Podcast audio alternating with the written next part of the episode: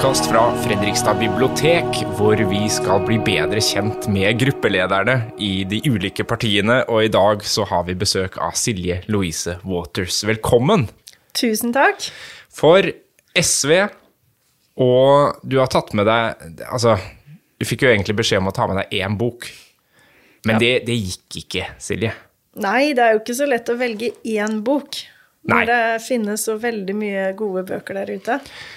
Så da, ut fra det, så kan man jo anta at du leser en del. Ja. Ja. For du får, får du tid til det? Nei. Nei.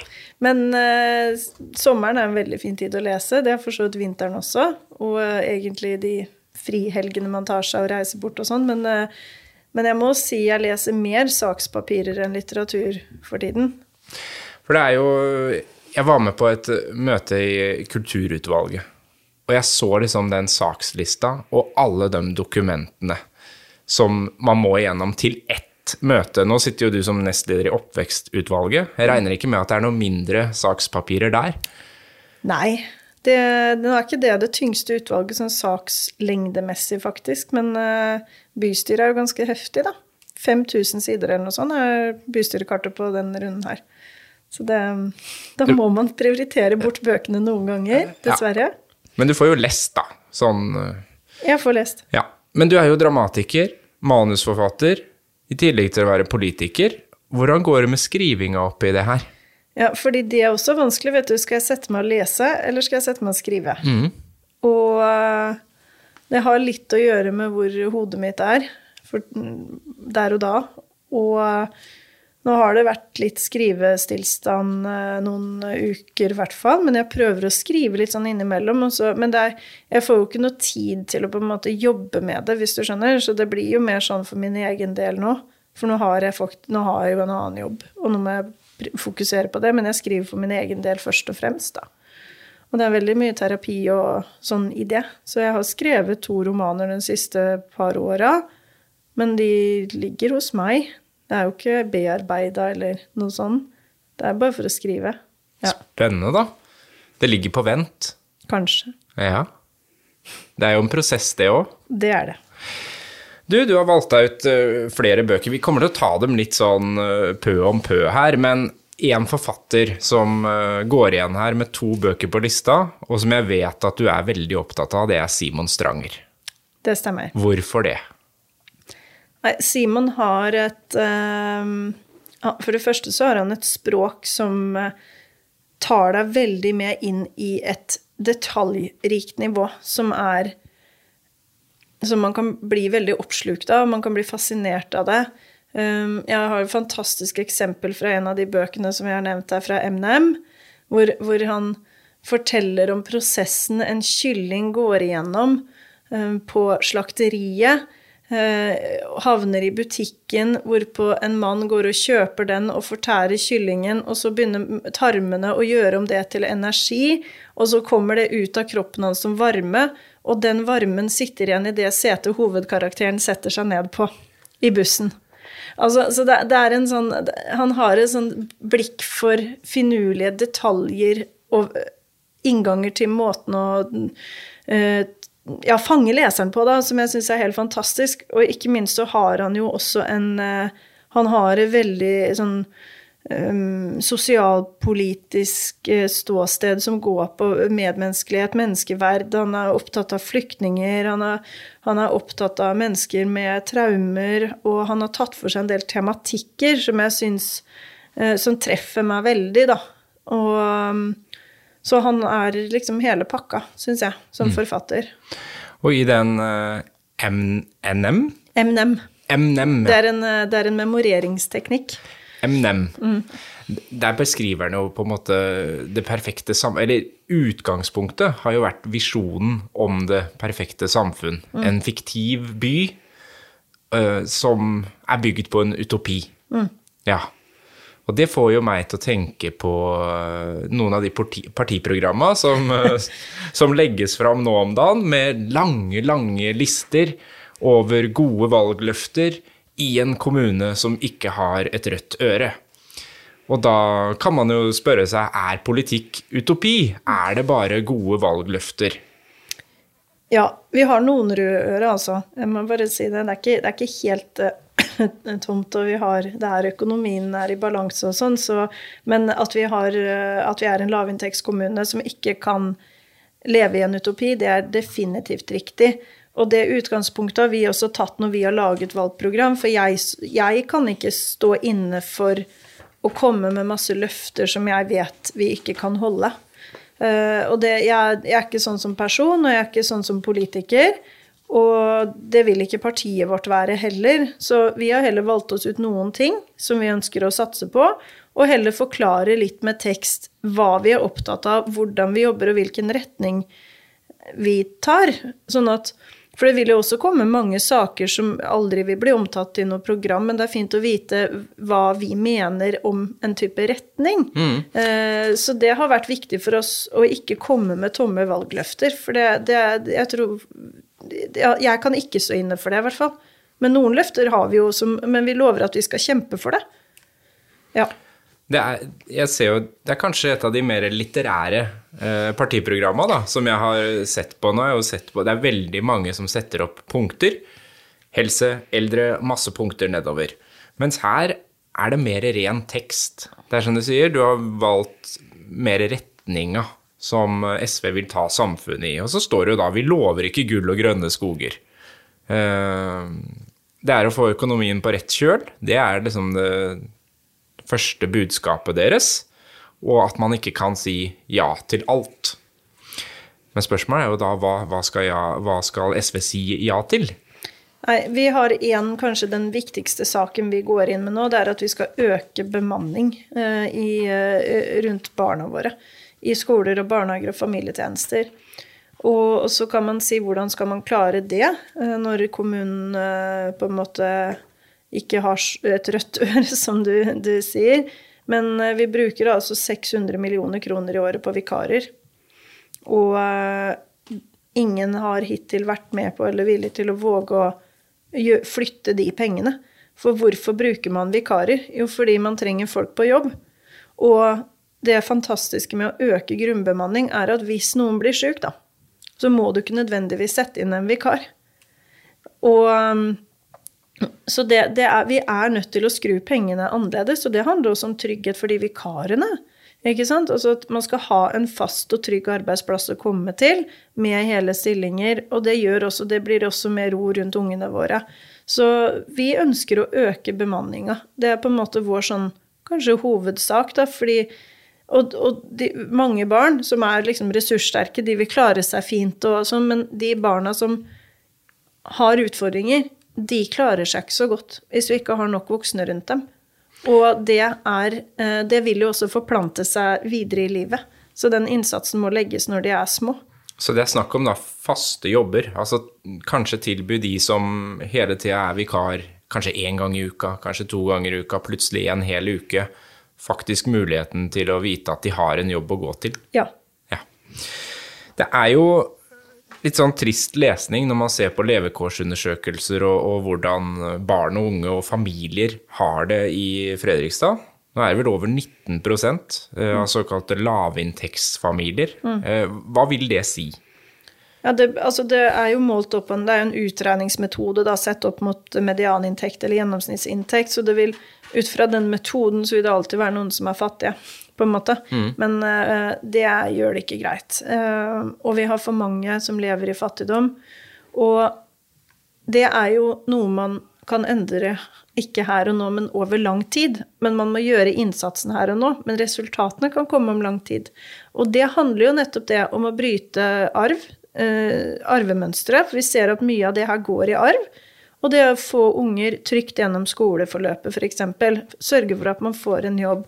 Og samtidig så må man også huske at hvis man ikke har gode eh, oppvekstvilkår hjemme, og det henger ikke nødvendigvis sammen med om man er fattig eller ikke, man kan ha dårlige oppvekstvilkår uh, uavhengig av sosioøkonomisk status, så må vi i hvert fall sørge for at skolen og fritidsarenaene er trygt for barna. Fordi du, har de der tre hovedarenaene, hjemme, skole, fritid. Og vi må i hvert fall passe på at to av de er trygge. Så vi må sørge for at alle unger har fritidsaktiviteter. Og det har vi jo faktisk vedtatt nå eh, at vi skal jobbe for, og det er vedtatt politikk som igangsettes nå. Og så er det det jeg sa med trygge voksne på, i barnehage og skole. Men så må vi også sørge for å løfte de som har minst i samfunnet vårt. Og f.eks. i går så kom det jo en kjempegod nyhet om at både, SV i revidert nasjonalbudsjett har jo sammen med regjeringa fått til at vi øker barnetrygda for alle barn over eh, seks år, eh, som får 3000 mer i året for det.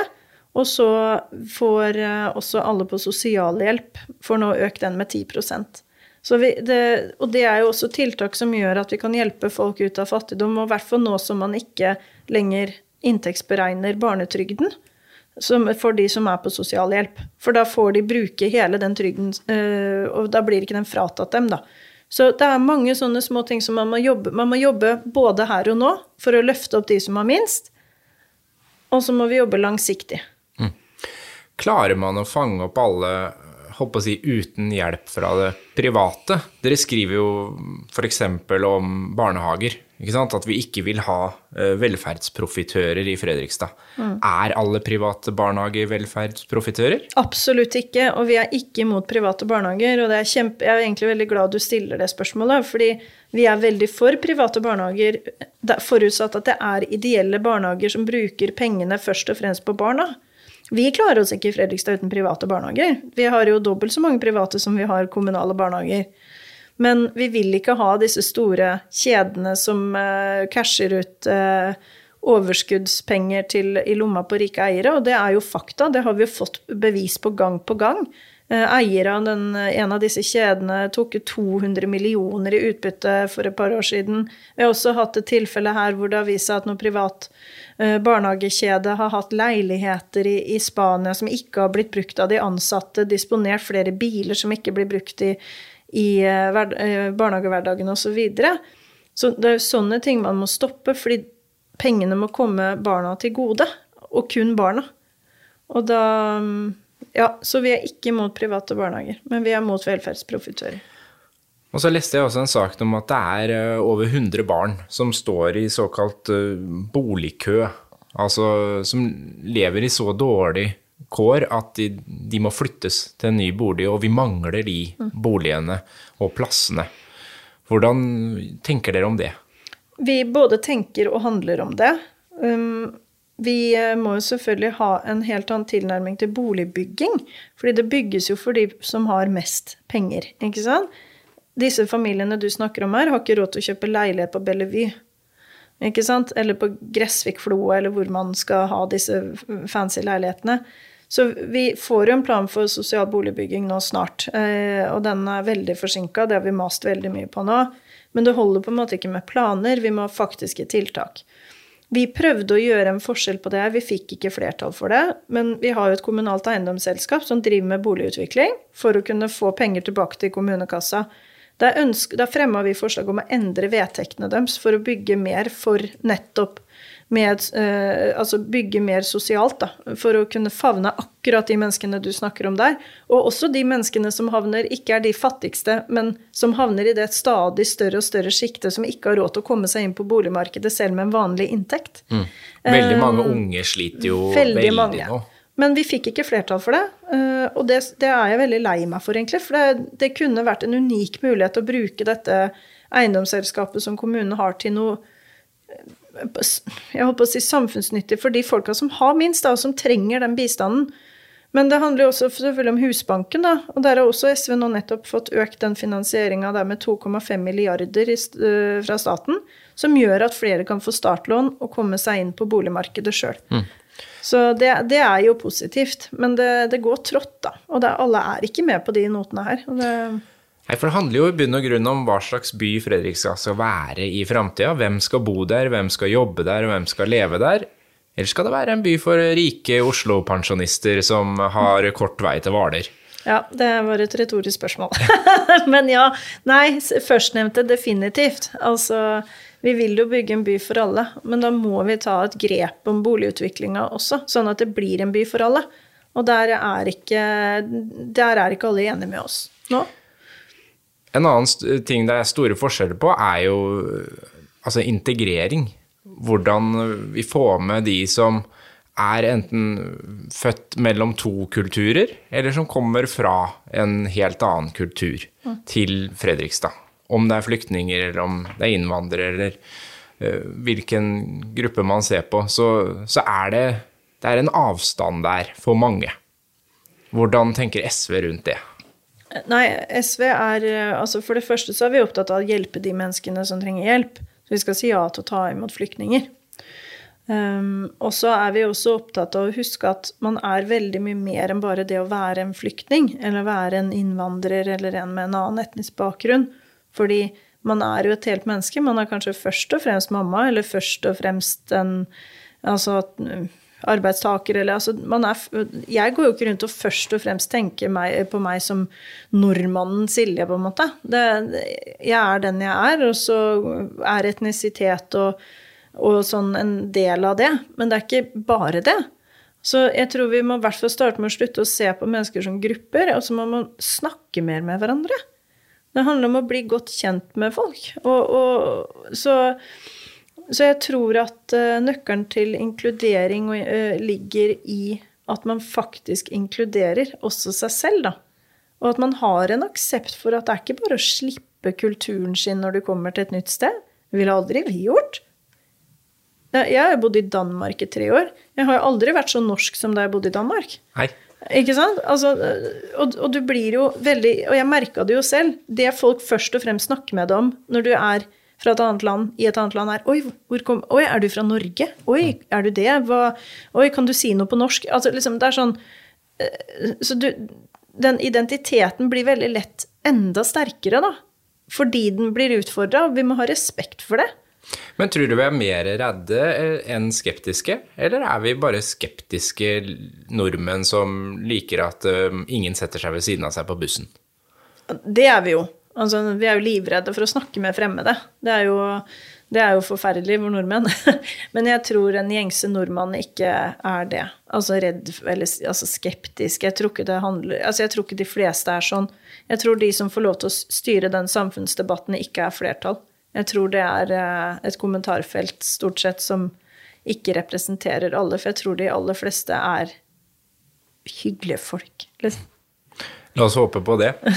Det skal vi dra det tilbake til litteraturen da, og Simon Stranger igjen, for du har jo med en annen bok òg, 'En fremmed i verden', som kanskje passer litt uh, inn i den tematikken med tilhørighet og utenforskap. Åssen uh, bok er det?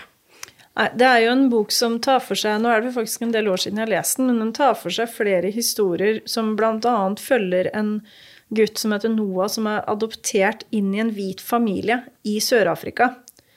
Ja. Og det, og, men som da er mørk selv. Og han, det viser seg jo at han kommer jo fra slummen utenfor uh, dette rike området hvor han bor i, og han befinner seg jo i en identitetskrise. Og eh, samtidig så følger vi også forfatterens egen reise, eh, personlige reise på tvers over Atlanteren i en seilbåt. Samtidig som vi også følger han eh, som oppdaga, sier jeg i gåseøynene, Sør-Afrika da, fra Europa.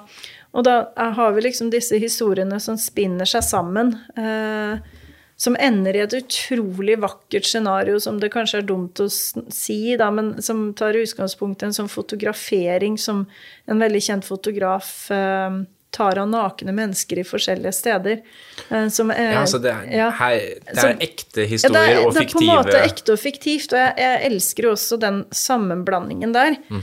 Så det, det, er en utrolig flott bok som eh, ja, som gir deg Men som i stor grad handler om identitet og, og på en måte mennesker sett opp mot hverandre. Og egentlig akkurat det vi snakker om innledningsvis. Hvem er vi? Mm.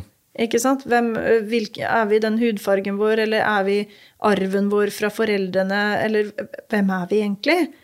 Og en veldig flott bok altså, som jeg anbefaler. Og så er vi, En av personene går vel også inn i motstandsbevegelse, rett og slett. Altså engasjerer seg politisk eh, mot apartheid. Ja, ja. Og, det, og, det, har jo også vært eh, det, det, som er det som er eh, Det sa vel Simon Stranger også. Eh, jeg husker ikke om han sa det, eller om det står i boka, faktisk. Men den følelsen han fikk da han kom ned dit for å gjøre research, hvordan han ble behandla som hvit europeer av mennesker med hudfarge selv da. Hvordan han ble varta opp og på en måte han sa, hvordan du så, Så lett hang- kan havne ja, ja, og hvordan du så lett kan havne inn i de mønstrene der, da. Mm. For det, det blir jo inngrodd på en måte. Eh, og det, det er også ekstremt tankevekkende, da. Hvor lett det er å gå tilbake i sånne mønstre hvis man ikke passer på. Ja. Ja. Og, og ja, man oppfyller nesten eh, fordommene kanskje òg, Ja. litt. Ja. Uh, det her bringer vi oss liksom videre inn på hvorfor du ble med i politikken, da. Hvorfor du engasjerte deg. Den derre rettferdighetsveien som han tegner opp i boka. Eh, hvorfor ble Silje politiker? Nei, altså, jeg har alltid hatt en sånn stemme. Jeg har alltid engasjert meg mye. Jeg har aldri kommet fra noe sånn ungdomspolitikk eller noe sånn. Men jeg har sagt fra ofte om ting. Eh, på godt og vondt, sikkert.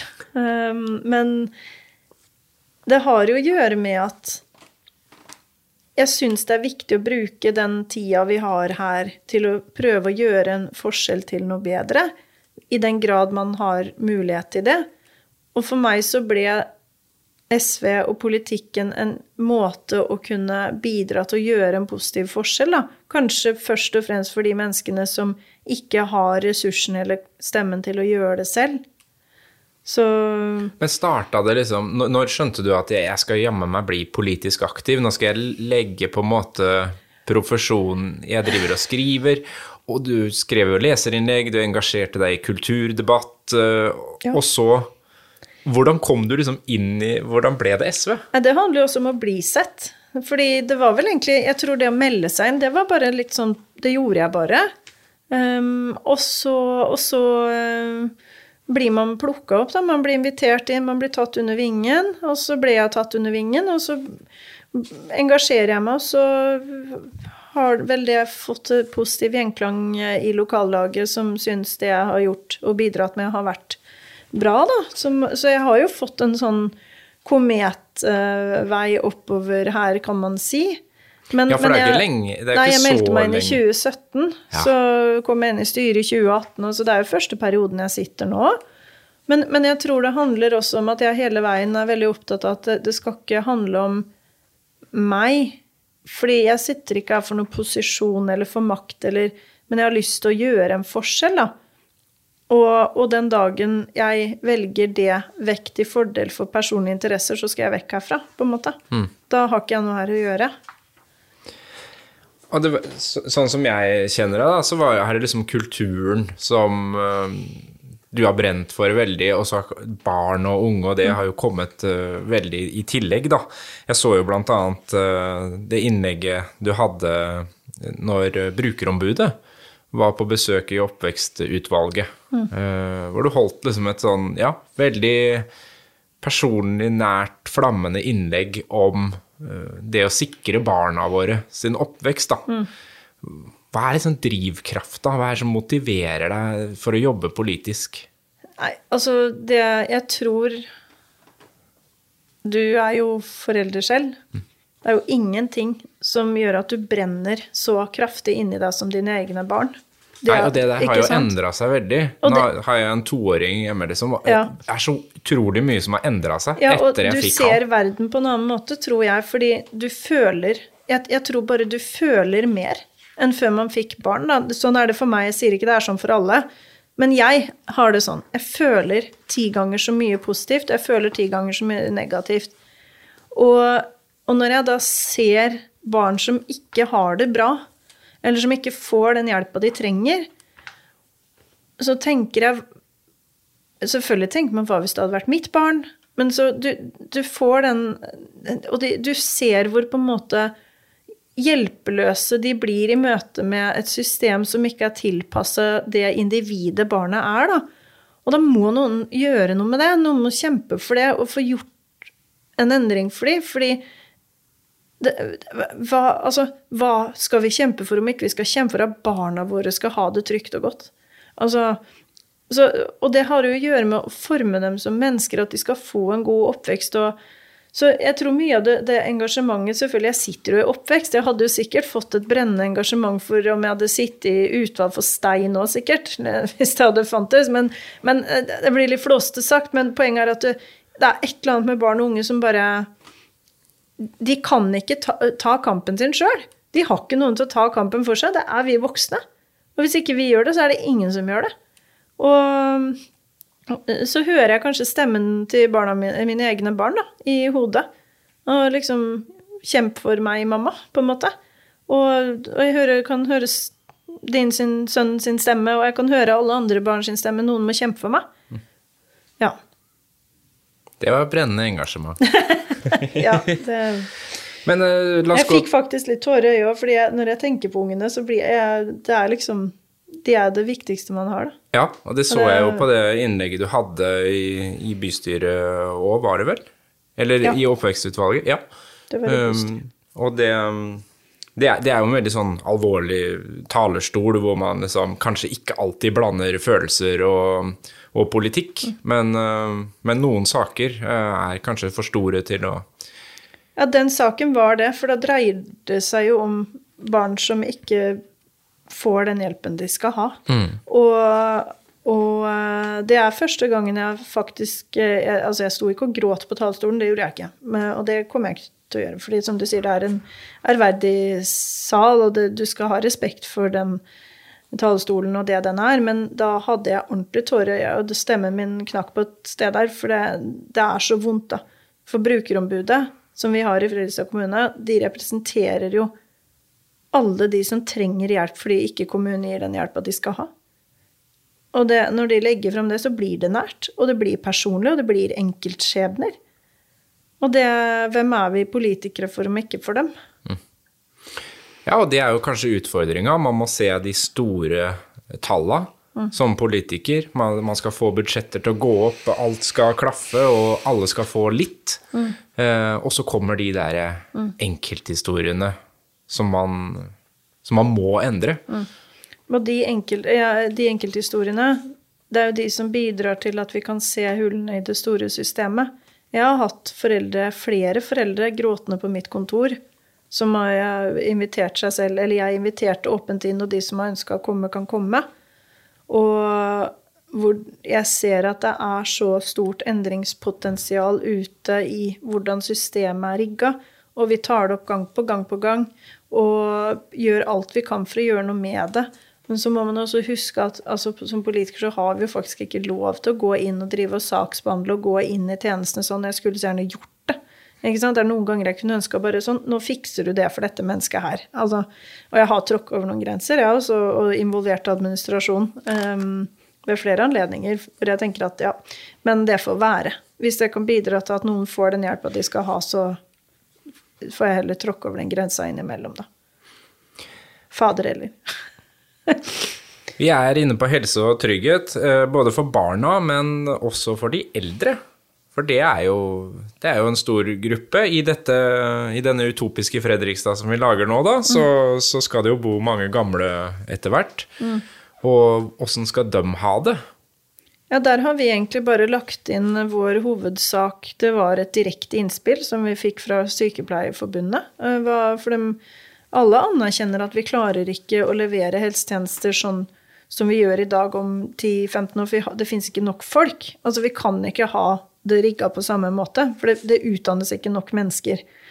Men eh, det å ha flere omsorgsboliger som ikke krever den liksom samme type sånn veldig tett på oppfølgingen, men at man har et trygt uh, sted å bo for de eldre, hvor det er bemanning, hvor man kan uh, ha Har dem samla på ett sted? Ja, det høres litt ille ut, men det er jo litt sånn type Holmen, da. Ikke sant? Flere omsorgsboliger med heldøgns bemanning. Det var det Sykepleierforbundet eh, ønska, på en måte. Og det ble vår, vårt svar, da. Og det må vi bare prioritere å få på plass. Og vi jobber jo med Holmen 2, og så tenker jeg vi må få enda mer, mer av det. For det er, eh, vi må sikre at folk kan bo trygt. Og så tror jeg ikke det er noe ønske fra noen å komme på et sykehjem framfor en omsorgsbolig. For et sykehjem, det er jo Da er du veldig syk. Så, og, og de som skal blir så syke, skal selvfølgelig få komme på sykehjem også. Um, men jeg tror også at vi må jobbe mye mer med å ta i bruk våre eldre, på en måte. Fordi jeg hører så mange eksempler fra eldre selv som sier at du passerer en viss alder, og da er det plutselig regler som slår innom, og da kan du ikke bidra der. Er du over 75, så kan du ikke være sensor. Er du ditt og datt, så plutselig det, det, er jo å skape syke mennesker, det. Det er liksom som å sette en, en strek over ressurssterke, fantastiske mennesker i samfunnet vårt. Og bare si vet du hva, nei, nå er du for gammel til å ha en betydning i dette samfunnet. Det går jo fader ikke an. Men tror du det har endra seg? Altså, Har vi blitt sprekere? Jeg har for meg liksom at uh, når, var, når vi var unge, da, så var du 40-50, da, da, var du ordentlig gammel. Og i hvert fall hvis du var 70. Nå tenker jeg jo på 70-åringer som eh, helt likeverdige Altså ja, altså, men man blir jo Vi lever jo lenger, ikke sant. Det gjør vi jo. Og når vi lever lenger, så får vi flere syk, eh, sykdommer, ikke sant. Men vi holder oss jo friskere lenger, og altså alt dette her. Så, det har jo sikkert å gjøre med hva slags arbeidsliv vi har, og at vi har gode velferdsordninger som holder oss friske også. Men, men, men øh, vi må passe på at vi opprettholder det for det øyeblikket noen setter seg ned i en stol og ikke kan bidra, så blir man sjuk. Da forfaller man. Og, og, det er noe av det altså det her er jo noe av det jeg faktisk jobber med siviljobben min, da, kultur og helse. Man bruker kultur aktivt for å bedre folks helse, og det finnes så mye forskning som understøtter det nå, da. Og så Ja, rett og slett ta i bruk den fantastiske ressursen alle våre friske eldre er også. Det fortjener vi, og det fortjener de. Ja. Innom helse og omsorg så har du jo tatt med deg Jonas Gardell, den svenske komikeren som skrev en veldig personlig bok, 'Tørk aldri tårer uten hansker'. Mm. Går ikke akkurat på eldreomsorg, det går på, håper å si, etter, etterdønninga etter aids-epidemien i, i, verden, og sånn han opplevde det. Mm. Ta oss med til den boka. Ja, og der måtte jeg tørke tårer da jeg leste den. Det er det er jo noe av det sterkeste jeg har eh, lest. Og det er jo ikke bare etterdønninga, det er jo midt i eh, aids-pandemien som eh, løp i, i, det homofile miljøet i Sverige. Og det stigma som var rundt, og måten folk ble behandlet på, og måten man på en måte Altså, mennesker som var syke, ble ting, nesten. De ble bare ting. Altså, man vil jo ikke ta på det engang. Det, det ligger jo i tittelen nå. Når en som ligger og gråter og er syk, og så er det en sykepleier som tørker vedkommendes tårer. Nei, nei, du må ikke tørke de uten hansker. For det var denne frykten og dette stigmaet rundt, eh, rundt, aids eh, den gangen, da, som, eh, som var helt grusomt. Og, og, så har det veldig, dessverre, veldig relevans i dag også. Vi ser det jo på bare denne måneden vi er inne i nå, juni, som er pride-måned. Vi opplever eh, altså, hets og trakassering og flaggbrenning. Og, og, nå har jo vi også nettopp fått eh, Da ble jeg kjempeglad, har fått vedtatt i bystyret at vi skal få et type kompetanseløft om skeiv helse i kommunen, og at vi også skal få en uh, lavterskel, gratis helsetilbud for skeive unge. da, Eh, fordi at det som vi vet, er at veldig mange av disse unge sliter med psykisk helse. Fordi de får ikke den hjelpa, den, eh, den hjelpa de trenger. Eh, for det, en, det, handler jo om identitet igjen, ikke sant? Og det handler om å og aksept for den man er. Og det handler om at man uh, ser jo rundt seg at det er ikke alle som har den aksepten. Og så er det en del utfordringer som det kan også knyttes til kjønnsidentitet og annet som vi ikke har god nok kompetanse på i kommunen. Og det har vi fått gjennomslag for nå at vi skal få til. da. Og, og, da håper jeg jo det kan bidra til at de statistikkene snur, fordi unge skeive troner veldig høyt både på selvmordsstatistikk og annet da, som er negativt, og det må vi stoppe. Og det, det, det, er jo det den boka egentlig handler om. Vi må få bort disse stigmaene. Vi må få bort også dem. Eh, vi må, altså, det, vi må feire det mangfoldet som er. Og bare være akseptere hverandre. Går det litt sånn i bølger? Man hadde, hadde man liksom en følelse av at nå er vi på rett vei, og så plutselig dukker det opp en sak om flaggbrenning, da, om trusler mot et pridetog. De må avlyse møteplassene mm. sine. Ja, så den skytinga var jo et eksempel eh, som burde stå veldig godt på, og, til å svare på det du spør om der. Og så Det kan godt hende at det går i bølger, og så har det nok en type forsterkende effekt at mange er oppmerksomme på det. Altså at det er pride month og sånn, men det, det er litt sånn Jeg ble litt oppgitt, for jeg fikk en sånn henvendelse fra en som sier litt sånn Ja, men eh, hvorfor må man vise det fram så mye? Og det er litt det samme som å si ja, men kunne ikke hun jenta som ble voldtatt, bare ikke gått der i mørket alene? Eller kunne ikke hun hatt på seg en bukse istedenfor et skjørt? Altså, det, det, er ren sånn her som eh, vi, vi eh, Jeg blir litt sjokka av det, da. Altså, hvis du virkelig aksepterer noen, så aksepterer du noen. Du kan ikke akseptere noen bare hvis du ikke viser det fram så mye. For da aksepterer du ingen. Og, og hvis man Jeg tror mange forbinder pride og sånt noe med, med en sånn seksualisering som litt Jeg syns er litt gammeldags å tenke det på. Fordi har, det handler jo om Det handler bare om et mangfold, og vise at det er aksept for alle mennesker sånn som de er. Og så Ja.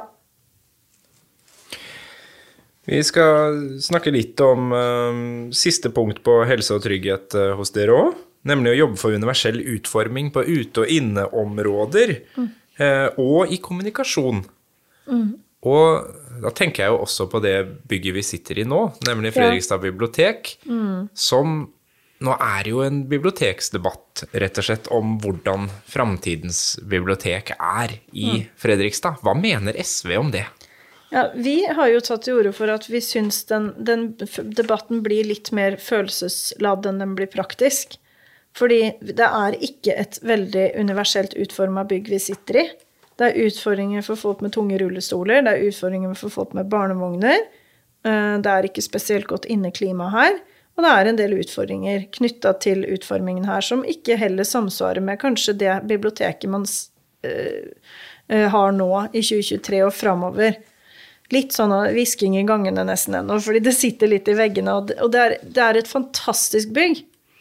Og vi kommer til å stemme for det som ligger der nå med at det skal utvides som det er, men vi kommer ikke til å være med på at du skal ha deler av, av det litt sånn en liten minifilial i sentrum. For enten så må du satse på biblioteket, eller så må du ikke. Eh, så jeg, jeg syns man Jeg tror at helt ideelt sett så kunne den bygningen her blitt brukt til en annen type kulturaktivitet enn bibliotek.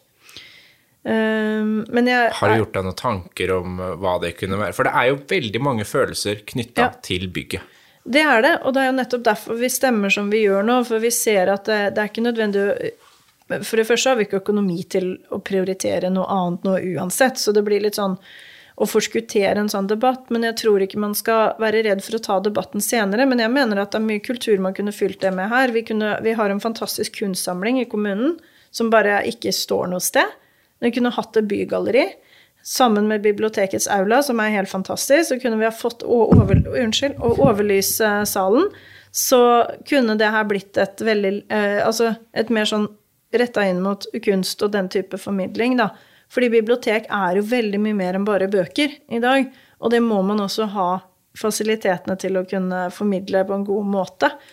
Så, men jeg, jeg tror at uh, på et tidspunkt så må man ta den debatten. Men jeg tror ikke det er riktig tidspunkt nå, da. Men apropos kultur. Et kulturfond skriver SV om. Hva, hva betyr det?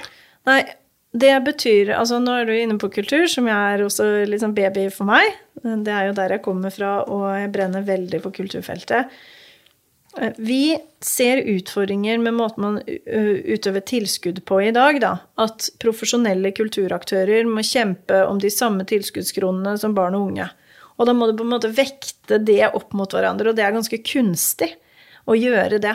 Og det vi mener, er at vi også har ved å på en måte kunne ha et avsatt fond som går til profesjonelle kulturaktører, som kan på en måte søke om mer utvikling i et sånn større øyemed, da, så vil vi kunne få noen positive effekter for de profesjonelle kulturaktørene Som- i byen vår. Som kanskje ikke bare går på ett og ett prosjekt, eller Ja, altså kan- noe som fører opp til en forestilling eller en konsert. Nei, men som kan handle om en type langsiktig utvikling, eksempel, da. Og, og så er det også det faktum at vi har veldig mye kommersiell kultur som vi også skal ha.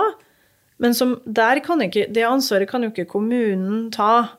Ikke sant? Og, og, fordi der må vi jo se på Men hvis kommunen tok, ble gitt anledning til å ta et større ansvar for de snevrere kulturfeltene eller for frivilligheten og barn og unge, og at vi også kunne samarbeida mer med næringslivet da, om hvordan vi kan jobbe mer strategisk inn mot sponsing og sånn, for næringslivet vårt er fantastisk å sponse masse, eh, kulturlivet, men det er, litt, det, er, det er ikke noe system for det. Så jeg tror vi må ha mer dialog også mellom kommune, kulturliv og næringsliv, og få bygd dette her opp da, på en annen måte enn, enn i dag. Og så ønsker vi jo også å øke tilskuddsrammene til frivillige kulturer og idrettsfeltet, da. Ja, for frivillighet det går igjen også i mange av partiprogrammene. Mm. Er det å gi liksom, ansvaret litt over på de frivillige? Nei, jeg tror ikke du skal Altså, ansvaret er greit, men vi må gi initiativet tilbake til dem. Fordi for det første så får frivilligheten mye mer ut av én krone enn det kommunen får. Det er bare å innrømme med en gang. Og for det andre så skal kommunen passe seg for å drive og styre frivilligheten. Men hvis frivilligheten har initiativer, så må kommunen være en god fasilitator for å kunne sørge for at de kan gjennomføres. Eh, og da må du være en fleksibel fasilitator, og ikke en byråkratisk en. Fordi frivilligheten er ikke byråkratisk. Vi, så Nei, for det kan jo ta tid å søke hvis man skal ha et samarbeid, eller hvis man skal sette i gang noe. Og så, ja. ja. men da må vi se på det, og akkurat nå er det en annen prosess, og så må dere skrive søknader, og, ja. og så sitter de frivillige med de 20 flyktningene, da. Mm. Og venter i et halvt år. Ja, og det, sånn kan vi ikke holde på. Så må vi også huske at frivillige får ikke betalt for det de gjør. Så vi, det må være rom for at man glemmer tidsfrister, det må være rom for å gjøre feil, det må være rom for å ha en god og dynamisk dialog. Og, så mer aktivitet på frivillighetens premisser er alfa og omega, og så må man yte mer støtte til dem. Fordi det, apropos det du snakka om i stad med barn og unge, hvor mange barneliv og skjebner som er redda takket være vår frivillighet, det kunne jeg ønske det fantes tall på. Men vi vet jo hvor mange som finner sin plass gjennom organisert eh, kultur- eller idrettsaktivitet. Mm. Og der sa du det, idrettsaktivitet. Og da kommer det store spørsmålet, da. To ord. Arena Fredrikstad. Mm. Ja eller nei? Ja. Hvorfor det? Fordi det er et uh, veldig viktig byutviklingsprosjekt, for det første. Um, vi har en stjerne, Stjernehallen i dag. Er, uh, altså jeg fikk melding i går, det er maur der oppe nå. Men kan man ikke pusse opp den, da? det, det, fremkommer for meg helt urealistisk og vil koste mye mer enn å bygge Arena Fredrikstad og pusse opp Stjernehallen. Og så må man også huske at vårt kommunale eiendomsselskap har også den tomta i sin portefølje, hatt, uh, skal bygge boliger der, som vil kunne generere store summer inn til kommunekassa igjen, som går inn i fonda, som går på nedbetaling av lån osv. Altså alt dette her.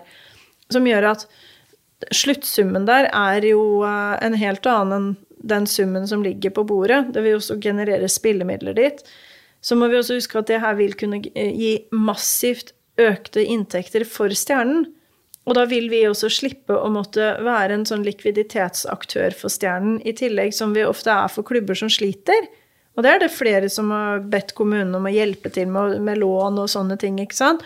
Så man vil kunne skape en Eh, et omdømme og en byutviklingstankegang rundt omkring dette området her som vil ha veldig store positive ringvirkninger for både næringsliv og idrettsliv osv. Og, og så må vi også huske at hele infrastrukturen der og reguleringa henger også sammen med Fredrik Nahan videregående skole. Ingen arena, ingen Fredrik Nahan.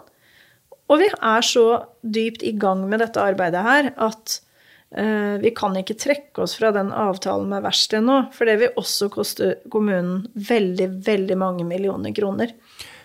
Men hvorfor tror du mange er skeptisk? Jeg tror jo, altså Det handler jo selvfølgelig om gjeldsutvikling til kommunen osv., og, så videre, og at vi har skoler som skal pusses opp. Men det, det ene utelukker ikke det andre her. For det er sammenligna med, med, de andre storkommunene som vi sammenligner oss med, så er, er, det halvparten av de har mer, høyere gjeldsgrad enn Fredrikstad kommune. Det skal man faktisk huske. Så det er, ikke, det er ikke sånn at fordi noen sier noe mange nok ganger, så er det en elendighet eh, i Fredrikstad kommune. Og så er det også, må man huske, da, Og hva er det som gjør at folk med høy arbeidsevne og da med seg skattepenger osv. flytter til en by? Det har med hele byens attraktivitet å gjøre. Så alt dette her henger sammen, tenker jeg. Og vi vil ikke ha råd eh, til å sette i stand Stjernehallen på noe som helst vis. Den, den, den råtner på rot, og det er rotter og mus der, og, det, og maur og det, jeg, eh, det, er helt urealistisk. Og det, det, vil jo i tillegg bli antagelig enda dyrere også, fordi da vil man jo måtte starte opp et arbeid, et prosjekteringsarbeid. Og er det noe vi vet, så er det at tid koster penger. Vi skal inn i litt mer sånn lette Det, det lette litterære. Eller det, ja, hva skal man si? Kanskje litt uh, humoristiske spenningsromanen. Mark Gatis. Mm. Han kjenner jo jeg som uh, genial omskriver, manusforfatter av den nye Sherlock Holmes-serien. Mm. Med Benedict Cumberbatch i hovedrollen, ikke sant? Hvor han sjøl da spiller uh, Mycroft.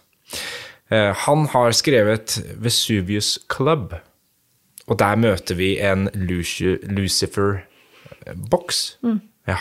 Hvem er det? Ja, nå beveger du deg inn i nerdesiden min, ja. med, hvor det er Sherlock, som du sier, og Doctor Who og alt mulig som er nerdete og gøy. Og den boka jeg nevner der, er jo bare et mesterverk av uh, galskap uh, og mørk, svart humor. En anmeldelse av boka sier at han finner på en ny svartnyanse innenfor humor her, fordi det er uh, Så det er ikke sånn typisk britisk jo, det er jo erkebritisk, liksom viktoriansk-britisk skrevet, den boka der, egentlig. Eh, men moderne, da. Og det handler om en sånn Lucifer Bock som er en uh, undercover-agent for uh, dronningen, og da skal ned til Vesuvius og inn i Pompeii for å finne noen, noen mystiske hendelser som foregår der, og det, det er så vittig skrevet. Og jeg har jo Meldingsvarslinga mi er jo et klipp fra lydboka til den boka. Uh, hvor han sier um, På engelsk I bade the Bobby outside uh, number 10, altså Downing Street, at cheery good night and let myself into number nine. I know it's ostentatious, isn't it? But somebody has to live there. Så han bor jo liksom da nabo til statsministeren. Downing Street. Litt, ja. Yeah. Så det, det, er en litt sånn der vittighet og selvhøytidelighet i, uh, i, denne karakteren som jeg bare Jeg elsker det. Den drikker te med den lillefingeren stående ut sånn. ja, det er, det er, fornemt, men det er, det er også, også er det, det er jo grovt òg. Det er masse grovt der. Sånn, uh, så, som er kjempegøy, da. Så det er jo liksom min sånn nerdeside, da, av både litteratur og TV og alt. Og litt sånn seksuelt eh, Han er vel homofil, er han ikke det? Begge deler. Jeg tror, han, jeg tror han, tar det han kan få, egentlig. Så han eh, Altså karakter, hovedkarakteren der. Så, så det er jo også masse situasjoner der som er veldig artige, da. Så det er, ja, det er veldig, veldig, veldig kul eh, bok, syns jeg. Det er en trilogi, og de er gode alle tre. Og så har du alle Harry Potter-bøkene ligger også her. Jeg måtte jo legge inn de. Det hører jo liksom med, da. Ja. Um, for det er jo når jeg faktisk nettopp nå fullført de med sønnen min på åtte. Åssen er, det å gå tilbake og lese for barnet sitt? Det har vært helt fantastisk. Og det var sånn, jeg, Nå får jeg tårer i øynene. Nei, det har vært så fint, og vi har hatt denne reisen sammen i over et år da, med å lese oss gjennom de bøkene. Og så eh, fikk vi dratt og besøkt Harry Potter Studios i London. Det var liksom gave til han, så dro wow. han og jeg på tur dit. Og, men da vi leste den, ferdig den siste boka, så satt jeg nede, og så hadde han lagt seg. Og så kom han ned, og så bare gråt han. Og han, han la seg inntil meg og bare gråt og gråt, for det, det var over. Ja. Og han, han, han, fikk en sånn skikkelig sånn sorgreaksjon for det, og jeg, jeg, kjenner det så godt på den siste setningen, all was, uh, all was, well', eller noe sånt. Nå leste jeg den på norsk sist nå, men alt var uh, godt, eller noe sånt. Og det, den derre For du tar jo i de bøkene, så tar du jo Du er jo på en reise med noen som vokser opp, og jeg tok jo den reisen uh, Starta jo som elleveåring selv. Så, så, du fikk være med, fikk være med på den reisen. Og vente på de nye bøkene? Ja, det fikk jeg være.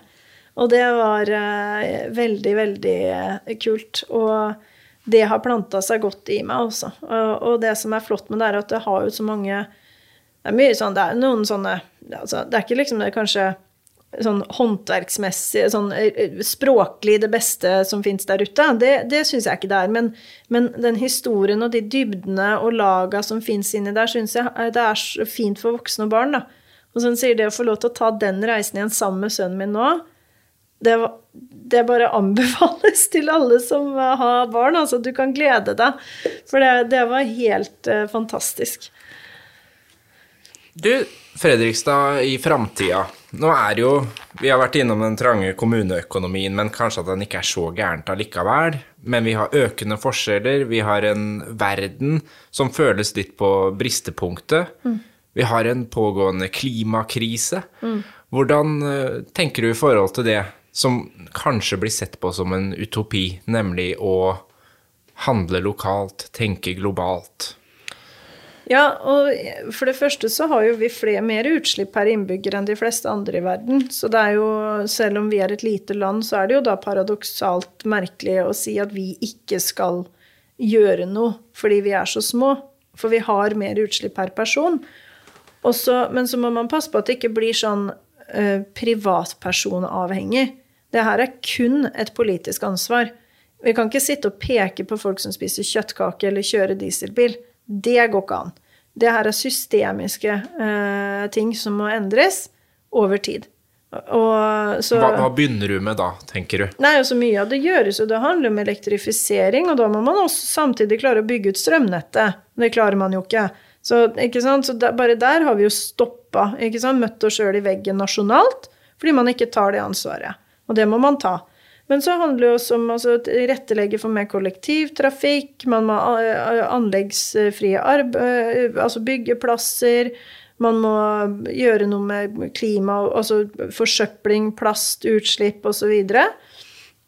Og så er det en, eh, et faktum som det var en forsker som sa under Arendalsuka for et par år siden, at kan godt snakke om de der store liksom, møte, møteplassene som EU og FN og sånn, men lærdommen om omstilling, den skjer i møte mellom byer. By møter by. Og derfor så er det viktig at byer har en definert politikk innenfor det grønne skiftet. Fordi hvis ikke byer har det, og kan snakke med andre byer, så kommer vi ingen vei. Vi går inn for landing, Silje, med siste boka, 'Mengele Zoo'. Det var jo ikke noe overraskelse for meg at du hadde den på lista. Den har liksom Den har klimapolitikken, den har stor, det storkapitalistiske verdenssamfunnet. Og så har vi da fattiggutten Mino, mm. som uh, går fra sommerfuglfanger til aktivist. Ja, og økoterrorist, kan du vel si. si. Hva, hva er det med den boka som fascinerer deg? Nei, det er for så vidt hele serien, egentlig. Det er jo fem bøker fra Gert Nygaard der. Um, men første, det er jo naturlig å si den første, uh, for å si det sånn. Den satte jo standarden, og den standarden satte han høyt.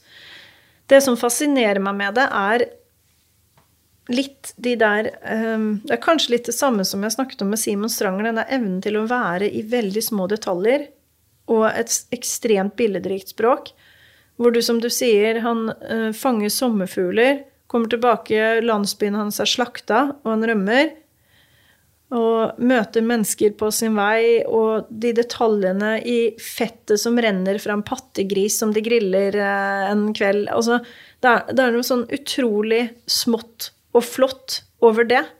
Samtidig som blikket hans hele tiden er på dette store problemet som er folk som bygger demninger i jungler og, og driver med, med, eh, økokriminalitet, og som i denne boka får jo noen ganske ekstreme måter å bli møtt på. Men, men han er jo utrolig vågal òg. Han problematiserer jo på en måte Er det ok å ta livet av en fyr som dreper så mange, både mennesker og dyr, gjennom sin eh, bedrift, da?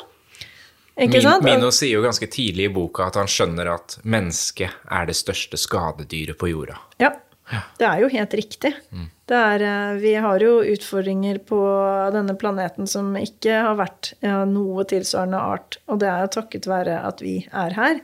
Og når du bare ser på biologisk mangfold og, og hvor mange arter som er forsvunnet etter at vi begynte å dominere dette eh, kalaset her, så burde jo det tale for seg selv. Og det er det jeg syns er så fantastisk med den boka, for den ser liksom den derre vakre Den derre utrolig vakre og nødvendigheten i den der ene sommerfuglen, da. Men så våger den på en måte å utfordre de derre Uh, ok, hvorfor skal vi ha dette ukrenkelige menneskeverdet opp mot alle de andre artene som vi bare tråkker over? Og det utvikler seg jo i betydelig grad utover i serien også, ikke sant? Hvor man til slutt ender med en planet som er blitt uh, Altså, det er jo ikke mennesker igjen, knapt. Mm. Uh, og, og det, I så Europa så er jo verden helt på randen med store flyktningkriser, kjempestore ja. naturkatastrofer, altså mm. Og så syns jeg også uh, i den boka som heter uh, 'Afrodites basseng', mm. så Det er vel bok nummer tre eller Ja, tre, det, er tre. det er nummer tre. Der um, hører Der drømmer han hovedkarakteren fra Norge om en dame i ørkenen i, i Sahara. Og så fremkommer det at hvorfor ser For det skjer jo i sanntid, det han drømmer. Han, og det, det de sier, er at kan det være at mennesker, når vi nå er så få på denne jorda, egentlig har noen evne til å ha en viss telepatisk kommunikasjon med hverandre, men at det er så mye støy rundt oss at vi ikke kan lytte til det. Men nå som den støyen er eliminert, så kan man faktisk kjenne på de eh, vibbene der, da. Og det, vi vet jo at trær har jo den typen kommunikasjon med hverandre de, mellom røtter og Altså man kan jo, trær kan jo gjennom soppmysel kan jo kanalisere næring inn mot et tre som er døende, f.eks.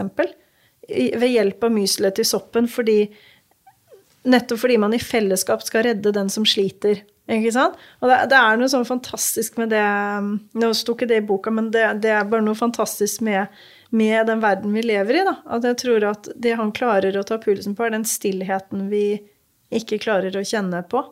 Fordi vi har skapt det, det urolige, litt urolige, støyende samfunnet vi lever i. Mm. Og så ser vi jo, når vi ser på de bøkene du har valgt, så er det jo det derre fiktive og det veldig realistiske som, som, blandes. At man tar historiske hendelser og begivenheter og gir det liksom litterær form, og kanskje til og med litt magi, mm. som, uh, som, går igjennom. Mm. Det stemmer, det. det. Men det har jo å gjøre med at altså uh, Det å binde ting opp til ting som har skjedd, selv om litt, selve liksom, den historien som skapes i boka, er fiktiv, så gjør det jo også at det fiktive får en mye mer virkelig tilnærming, da. Ikke sant? Fordi det kunne ha skjedd. Eller eh, Og da, da, blir man mer tanke... Jeg tror det vekker flere tanker, da. Og så syns jeg også, sånn som Simon Strange gjør, så syns jeg er veldig modig og spennende å legge litt av seg selv i boka. Så det gjør for så Gert Nygaardshaug i denne boka. òg. han har jo, hvor han snakker om at han bygger en eller annen sånn demning i hagen sin, med noe, legger noen steiner og Så og det er jo også noe jeg gjør selv når jeg skriver, og prøver å finne den der formen litt. Grann. Jeg syns det, det, er utrolig spennende, egentlig, å, å skrive på den måten. Jeg gleder meg til å lese de der to bøkene som ligger hjemme og venter, ja, etter du er ferdig med politiske karriera di, Silje. Men uh, lykke til med valget. Tusen takk skal du ha. Produsert av Fredrikstad bibliotek.